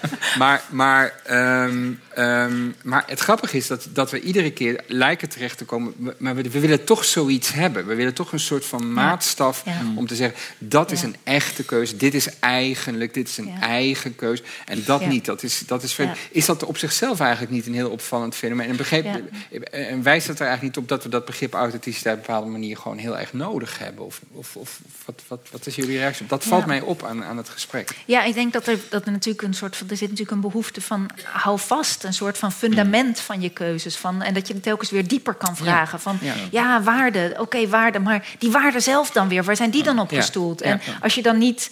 Niet ofwel ze in God kan eh, ehm, funderen, ofwel in een soort, eh, eh, soort van ongeschonden kern. dan ja, waar kan ik ze funderen? En ja, ergens denk ik gewoon, ben ik daar minder maak ik me daar gewoon minder zorgen om. Dat, dat, dat, waarom moeten ze gefundeerd zijn in Mhm. iets wat, niet, wat nooit verandert? Want natuurlijk, een cultuur verandert. Dus het is wel degelijk. Ze komen niet zomaar ergens vandaan. Het feit dat, Mhm. Dat, eh, dat inderdaad eh, dat voor mijn generatie het supergewoon is dat vrouwen naar de universiteit gaan, terwijl dat honderd jaar geleden gewoon anders was. Mhm. Ehm, ja, dat is een enorm verschil, Mhm. eh, wat natuurlijk een enorme impact heeft. Maar dat maakt, niet dat de waarde, dat maakt niet dat ik mijn eigen waarde nou ga zitten kijken van... Ah, omdat het in een bepaalde cultuur plaatsvindt, is het daarom dus minder waard Mhm. of minder... Nee, maar dat is het. Volgens mij was dat niet helemaal het argument dat ik maakte. Het, het, het ging, het ging meer, mij meer om het feit dat op het moment dat jij zegt we moeten het over waarde hebben, dat, dat je dan eigenlijk weer dezelfde soort paradoxale situatie Ja. krijgt als je een beroep doet op die waarden. Dat er weer de vraag ontstaat, maar waarom zijn dit dan de waarden waarop je zelf baseert? En wat je net zelf al zei. ehm, en dus ik, ik, van mij hoeft er ook helemaal niet een soort vast ik te zijn. Nou, het is gewoon, eh, je moet het denk ik een beetje hebben om überhaupt te kunnen functioneren. Of te functioneren is dan weer zo'n banale term. Maar ik denk als je continu bezig bent met het je afvragen, dan kom je tot niks. Mhm. Maar ik, voor, een- voor, voor ontwikkeling en, en, en groei is het denk ik belangrijk dat je niet een soort fundament hebt wat onwrikbaar is en waar je niks, niet aan kan tornen. Maar datzelfde geldt natuurlijk op het moment dat jij zegt van ja, maar daar moeten we het niet over hebben, we moeten het over de relationele dimensie hebben. Verschuif je volgens mij die problematiek gewoon die kant op. En is er niet een soort wezenlijk verschil van dat je dat dan niet kan bevragen. En Maar- dan kun je dus ook aan de ander vragen die zegt van ja, maar Ja. dit zijn de waarden die wij hebben en dit zijn. Dit is het beeld dat, jij, dat wij van jou hebben. Dan kun je zeggen, nou, allemaal heel fijn jongens, maar eh, sorry. Mhm. Eh, Ik, ik Maar ga mijn vraag, mijn vraag was eigenlijk dat, dat, dat ook eh, een soort vraag over, ook over de discussie zelf. Dat het Ja. lijkt alsof er iedere keer misschien een behoefte of, of, of dat er een noodzaak is om, Ja. om dat begrip überhaupt te, te gebruiken. Zie, Ja. zie- zie je dat nee, zo? dat zie ik, maar dat komt misschien eh, vandaag de dag misschien wel meer. Kijk, op het moment dat je in een vaste omgeving zit waarin weinig verandert, hoef je het niet heel erg te internaliseren. hè. Kun je gewoon, dan heb je de houvast in de omgeving. En in, op het moment vandaag de dag met alles wat op ons afkomt, kan ik me voorstellen dat. En, en als je kijkt hoe mobiel wij zijn geworden en hoe flexibel qua omgevingswisselingen en wat wij allemaal aankunnen. Hè, De ene dag in, eh, in Europa en dan ga je naar de States en dan eh, chat je even met iemand in Japan. En Mhm. eh, je kent zo extreem veel mensen. Ja, je moet dat ergens, denk ik, dan een soort houvast geven. En dat het ergens binnenin moet zitten, is denk ik een hele, een hele sterke neiging. En misschien ook niet heel raar. Want, ehm, Het is ook een neiging die al minstens 2000 jaar oud precies, is. het is al heel lang aan de gang dat we in die zin toch, denk ik, de boel internaliseren en daar een soort stabiliteit uit halen. Maar is het feit dat het 2000 jaar oud is op zich ook niet bewijs dat, dat er blijkbaar iets aan de hand is? Of, of hoe, Nou, er is iets aan de hand, maar de vraag is of je het authenticiteit moet noemen en of Mhm. het inderdaad vast is. En als het dan niet vast is, of het dan vast zit in de omgeving. Volgens Ja, het gaat niet alleen om vast, maar het ging ook, daar waren het jullie volgens mij allebei ook over eens. Van, eh, je, je, noemde, hè, je liet aan het begin die boeken zien en, Ja. en inderdaad eh, eh, de, de, de authenticiteitscultus bijna van onze, van onze samenle- samenleving. En, ju- jullie, jullie, en, en, en daar gaat het altijd inderdaad over tegenstelling tussen binnen en buiten. En de true self is within en, en wat buiten is. Eigenlijk allemaal Rousseautjes eh, in zekere zin. Ehm, maar maar, maar ehm, eh, jullie zijn, blijken het met elkaar eens te zijn. Nee, nee, dat is het niet. Die tegenstelling binnen-buiten, die, die, die klopt niet. Maar hoe Mhm. kan het dan zijn dat die tegenstelling zo inderdaad het al 2000 jaar lang zo goed doet, zeg maar? Hoe, hoe, is dat dan een illusie of is dat een fictie? Of hoe, hoe, hoe zit dat precies? Ja, ik heb het verhaal wat ik net vertelde. Dat is volgens mij een antwoord op die vraag. Kun je dat nog een keertje Oké, kort zeggen? dan? Dan? nog een keer. Omdat de buitenkant zo aan het veranderen is gegaan, is het belangrijk om een vastere binnenkant te hebben. Mhm. En dat is misschien, eh, en, en dat je het dan Of in intern ieder geval het extern idee- noemt. of in dat ieder geval is- het idee te hebben Of het dat idee te hebben en dat Ja. het vloeibaar is en dat het niet echt is. Maar ja, het is in zekere zin echt dat het mijn lichaam is wat, wat overal komt, zal ik maar zeggen. Dus Mhm. je kunt er wel wat grenzen aan geven. Maar als je het echt kritisch gaat bevragen, en of het nou vast is of niet, ja, dan, dan verdwijnen die grenzen. Ja, het is misschien ook wel, het is ook een beetje gewoon het soort van verhaal wat je erbij hebt. Dus stel, ehm, dus inderdaad het idee van ik moet naar binnen kijken om daar een soort antwoord te vinden. Ja. Ehm, ik denk dat in, als je kijkt naar hoe mensen dat dan daadwerkelijk feitelijk doen of oppakken, toch heel vaak is dat mensen het gewoon met andere mensen erover hebben. Om een cursus gaan doen. Precies, een cursus, authentiek Authentiek leiderschap. leiderschap. Ja. Laten we dat gaan doen, Kees. Met En, z'n eh, allen een ja, cursus gewoon, eh, authentiek Ja. leiderschap. cursus authentiek zijn zijn. Als voorwaarde om gespreksleider zijn we er dan. Ze zijn vaak zo duur. Ja. Ja. Ja, dat, nee, dat is daar. Ja. Mag, ik- mag ik even een andere, Ja. andere vraag stellen nou, over de psychiatrie en hoe je dat dan ziet met authenticiteit in, in de normale maatschappij en wanneer het dan in de psychiatrie een probleem wordt? Want ik zat te denken, en dus je gaf het voorbeeld van mensen die dan eh, OCD, die echt dingen doen die ze niet willen.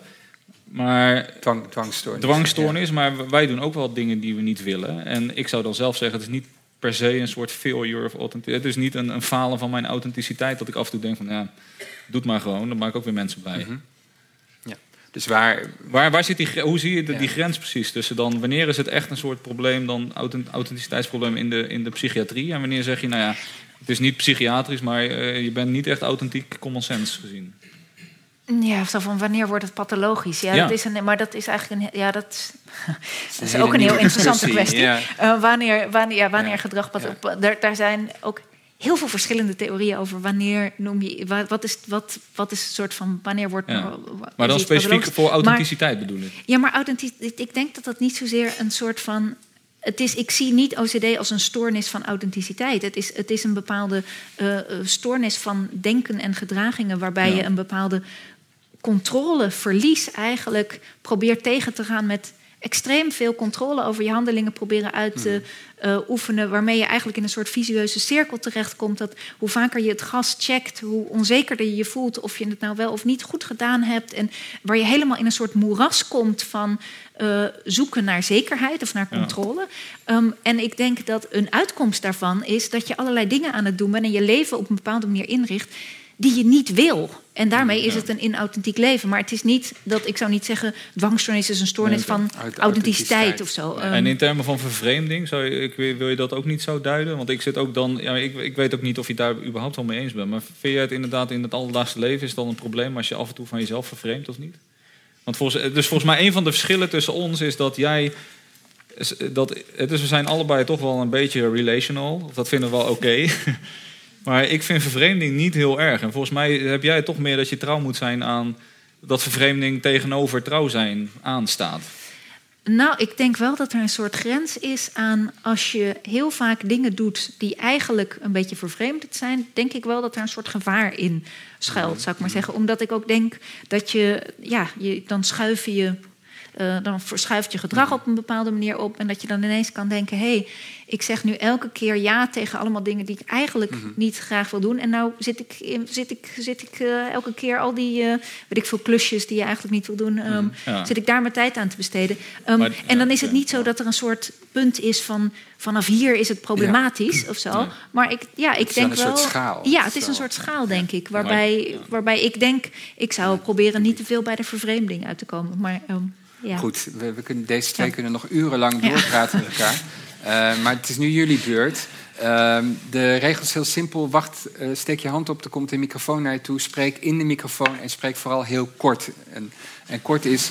Het idee is dat je een vraag stelt en de vraag is... Kort is een relatief begrip, De maar vraag is twee zinnen die eindigen met een vraagteken. Eh, hier is een... En er zijn links en rechts microfoons. Hier zijn er voor. Ja, en dan hiervoor. Ja, ehm, ik heb een vraag. Ehm, het begrip authenticiteit heeft te maken met ook eh, het ik-besef. Het is de realiteitstoetsing.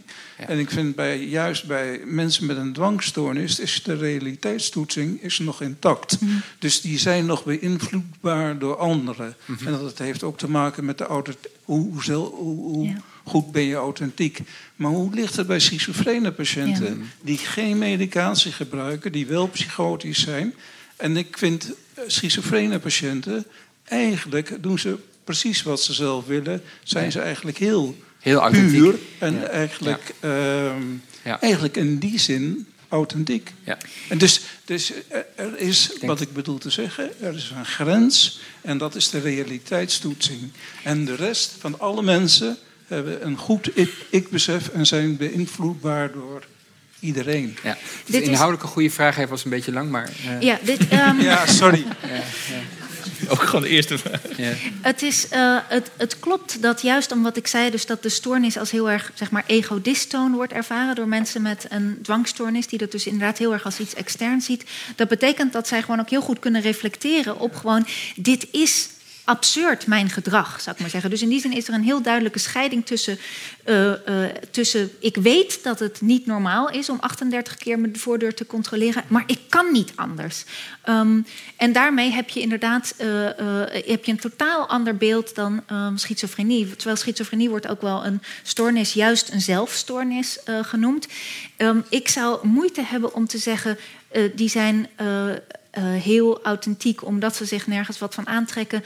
Omdat ik, ja, dat, het is moeilijk om daar in een soort van de fenomenologie van schizofrenie in een soort van uh, in één zin. Um, het maar, antwoord mag wel lang zijn. Ja, het antwoord mag wel iets lang zijn. ja, is toch niet helemaal eerlijk. Um, dat juist in een psychotische toestand is, het, is er inderdaad het contact met de realiteit gaat verloren. Maar ik denk dat het contact met de realiteit en het contact en, en jezelf zijn, dat dat een twee-eenheid is. Dus dat het als het ware twee kanten van één medaille zijn. Dus dat, je, dat als iemand in een psychose de wereld op een bepaalde manier ervaart, dus bijvoorbeeld als heel bedreigend uh, uh, en het gevoel heeft vervolgd te worden.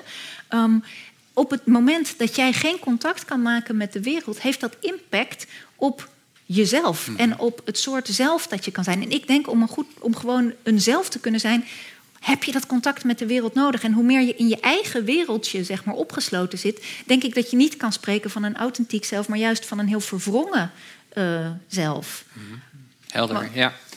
Wat zie je voor? Uh, ja, ik uh, wil je bedanken voor de lezing. Ehm, ik, had, ik heb mezelf wat verdiept in de positieve psychologie. Daar hebben ze het juist over dat je iets moet doen dat groter is dan jezelf en dat je jezelf ja. moet vergeten. -huh. hoe denken jullie daarover als filosoof? Moet je eigenlijk jezelf niet gewoon vergeten? Dat zeggen ze ook in het boeddhisme. Ja. Ja, het, ja. Leon? Ja, het is, ik, ik wil er wel even wat over ja, zeggen. Want jij. ik vind het, het is fijn dat, je het, uh, het fijn dat je het zegt. Want uh, dat was een van de dingen die ik zelf ook had opgeschreven. Namelijk dat uh, bijvoorbeeld dat idee van dat, dat authenticiteit een soort narcisme ver, verwortelt narcisme. Dat gaat helemaal voorbij dat als je authenticiteit ziet als doen, handelen in overeenstemming met je waarden. Dat die waarden heel vaak natuurlijk iets zelfoverstijgend zijn. Dat de meeste mensen willen hun leven juist wijden niet aan naar hun eigen navelstaren, maar iets doen in de wereld en iets bewerkstelligen. Um, uh, dus in die zin ben ik het daar gewoon heel erg mee eens. Dat ik denk niet, ik denk dat inderdaad een manier om jezelf te zijn heel erg juist is om je bezig te houden met andere mensen in de wereld op een manier die jij denkt dat goed is, zeg maar. Mm -hmm. Tegelijk, uh, ter aanvulling misschien, tegelijkertijd denk ik wel dat het wat wij ik noemen, dat dat ook gewoon werkt in onze maatschappij. Dus dat we aanspreekbaar zijn als een ik, dat, uh, waar je een, bepaald soort van gedrag onder kunt organiseren, dat je bepaalde overtuigingen, verlangens kunt toeschrijven, waarmee je in uh, sociale interactie kunt gaan. En ook termen als verantwoordelijkheid en zo zijn daar ook uh, op van toepassing. Maar natuurlijk tegelijkertijd, dus ik, ik noem nu verantwoordelijkheid, dat is ook precies iets wat onder druk staat. Hè. Dus dan is ook vanuit die nou ja, boeddhistische visie, maar je ziet ook in de neurowetenschappen opkomen dat men zegt van nou ja, dat hele idee van een ik is eigenlijk een illusie. Het zijn allemaal impulsen en, en de verantwoordelijkheid is dus ook gestoeld op een illusie. Dat we zeggen dat mensen dus verantwoordelijk zijn voor het gedrag wat ze doen. Dus misschien moeten we daar vanaf. En dat is wel een uh, interessante discussie. Ja. Ik ben benieuwd wat de rechters in Nederland daarvan vinden. Ja. Dus daar... Uh... Uh,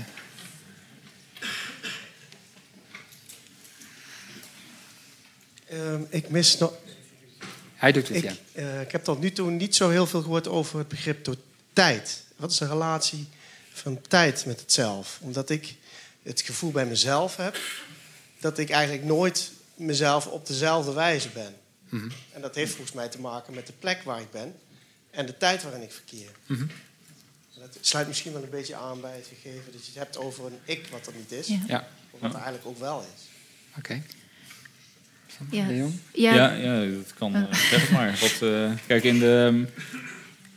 Dus het is een, een, iets van een aparte vraag over persoonlijke identiteit. Wat maakt dan dat je door de tijd heen hetzelfde blijft? En daar is heel veel, uh, dat begint bij Locke en daar is heel veel over geschreven. Over wat, wat, hoe moeten we dat nou precies zien? Is dat bewustzijn? Dat is wat Locke zelf als antwoord geeft. Um, is dat, nou ja, daarvoor zou je kunnen zeggen, zat dat meer in een, een soort mentale substantie wat er dan voor zorgt? Of is dat dat, dat je door de tijd heen hetzelfde blijft, is dat je lichaam. Nou, dat zijn allemaal mogelijke perspectieven. Als je het hebt over de ervaring die steeds anders is, um, dan zit je een beetje denk ik, meer in die bewustzijnstraditie en dan kun je afvragen, nou, dan, dan zit het blijkbaar daar niet. Um, heb je. Het zit me even, heb je dus, als, je, als ik wat jij zegt gewoon heel radicaal zou interpreteren, dan ben je, kun je ook gewoon zeggen, ja, misschien ben je ook gewoon niet jezelf. Dan ben je gewoon continu een andere figuur. En dus er zijn filosofen die Maar- die conclusie daaraan Maar, maar is het inderdaad niet, is het niet gewoon een ander vraagstuk? Het is een vraag naar Het is een ander- goed. Het continuïteit, is een- het zelf. Ja, maar daar wil ik ook graag over praten. Of is, is dat, ja, Het is een er ander wel over vraagstuk. praten. Maar, Punt. Ehm, als het dan gaat over... Waar, waar moeten we het dan over hebben? Authenticiteit. Ja, ja, ja. Vandaag authenticiteit, morgen... Ja. ja. Nou ja, als je het dan in termen van ervaring hebt, dan is nou ja, eh, tijd is, is belangrijk. Maar ik zou zeggen, door de tijd heen is het onmogelijk, een mogelijke opgave om inderdaad gewoon continu trouw te blijven aan je idealen. Al is het maar omdat je op een gegeven moment gewoon vergeet wie je zelf vroeger was. Zou ik zeggen, maar dat is mijn. eh zal, ja, zal ik even afkeurend kijken. Maar dat, Ja. dat kan toch Ja. echt niet? Ja, het was hier nog. Eh, wacht even, de microfoon die is onderweg.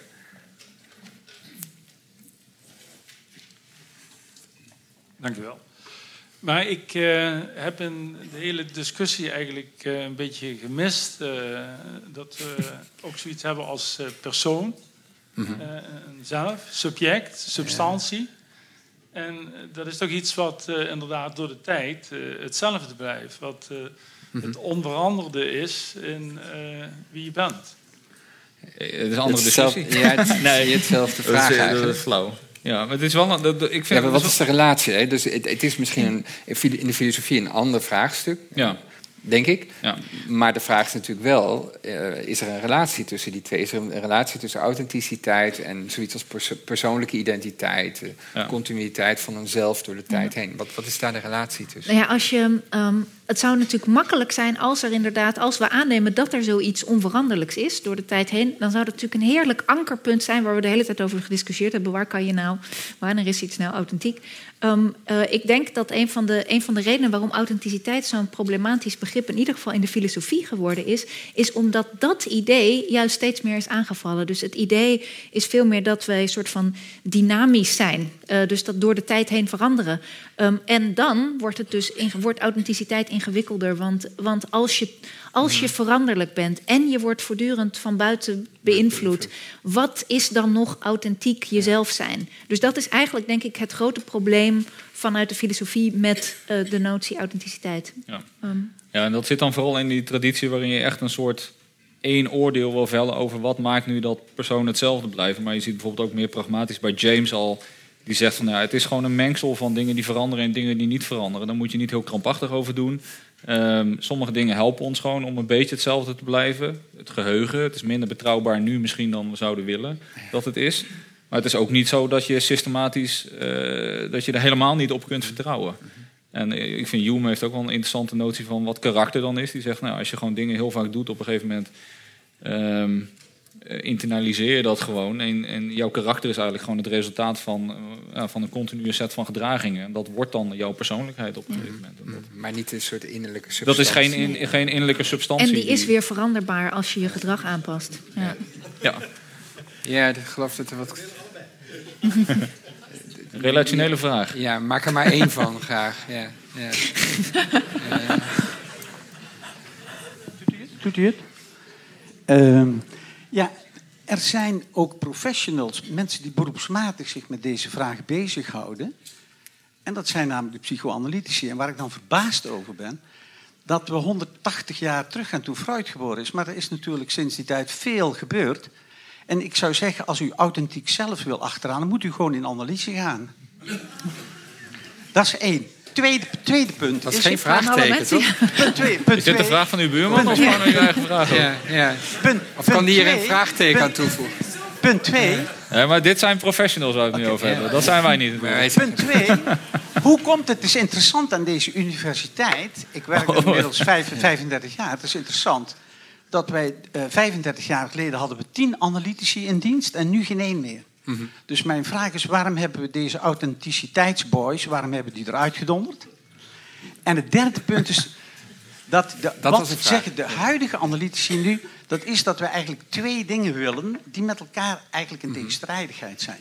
Wij willen twee dingen. En dat is A, unconditional love. Kijk maar naar een baby, die wil onvoorwaardelijke liefde hebben. En twee, als je doorgroeit tot de hoge verlichte staat, dan wil je unconditional love geven. En het ligt dus in een dynamisch evenwicht tussen liefde krijgen en liefde geven. Daar Oké. ligt de secret. Sanneke, waarom heb je, hebben jullie, eh filosofen in de psychiatrie, de analyse eruit gegooid? Ehm.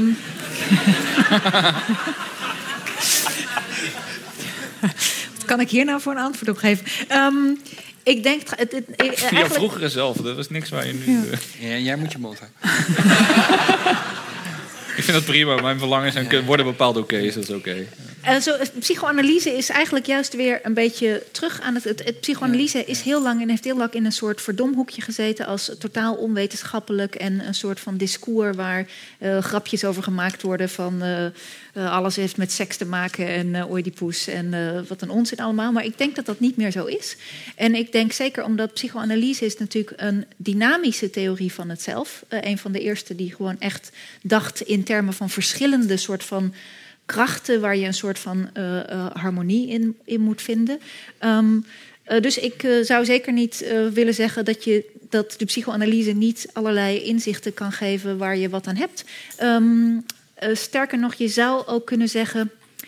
Maar ik weet niet helemaal zeker. Ik weet te weinig van gewoon psychoanalytische theorie om, om te kunnen zeggen: dit is een psychoanalytische theorie van authenticiteit. Ik denk, ik vermoed dat je wel zou kunnen zeggen dat ehm, de psychoanalyse eigenlijk haast een soort negatieve theorie van authenticiteit heeft. Dat het als het ware het wegvallen van allerlei. Dus naarmate je soort van.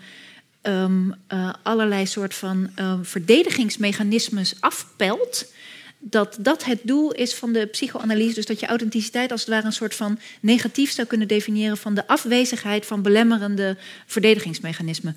Maar verder durf ik er niks over te zeggen, want eh, eh, ja, ik ben geen professional Maar je op hebt er het heel veel gebied over van. gezegd. Ja. Eh, Ja. Het is denk ik tijd nog ruimte voor één A2 als het een korte vraag is. Ja? Ik heb, ik heb de microfoon, dus ik ga hem gewoon Ah. stellen. Ja, dan, dan eh, wordt er één. Maar wel met een vraagteken. Een vraag. Ja. Ik weet niet zeker of ik een vraag heb. Ik heb, eh, ik, ik heb een soort. dan Heb ik een vraag? Dan nemen ik heb een soort vervelend gevoel. Ik voel me niet helemaal eh, authentiek. Ehm, ik vind jullie hele indrukwekkende eh, intellectuelen.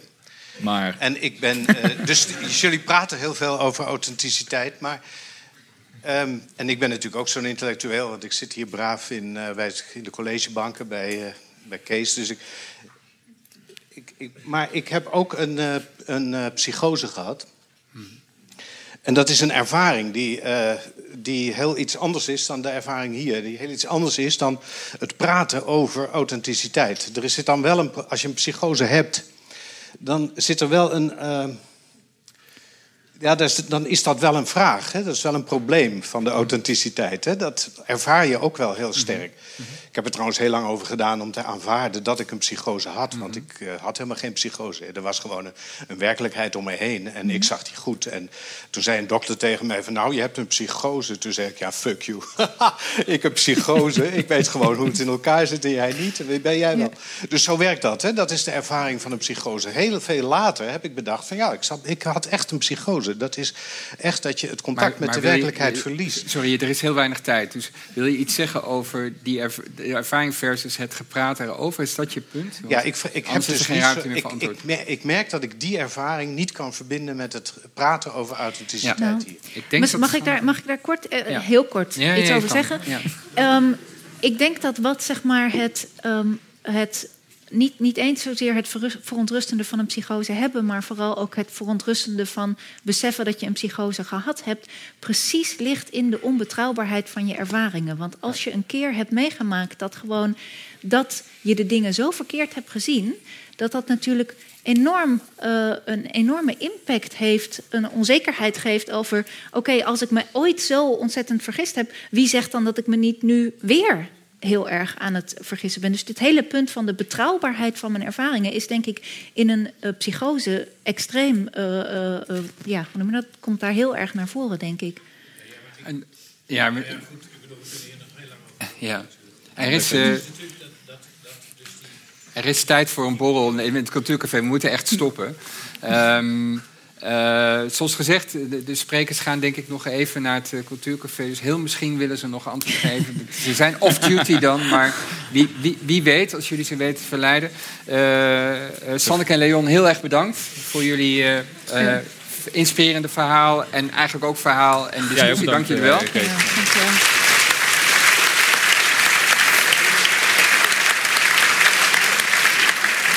Ehm, jullie bedankt voor je aanwezigheid. Goede reis terug. En hopelijk welkom op een nieuwe bijeenkomst van Radboud Reflex. Dank jullie wel.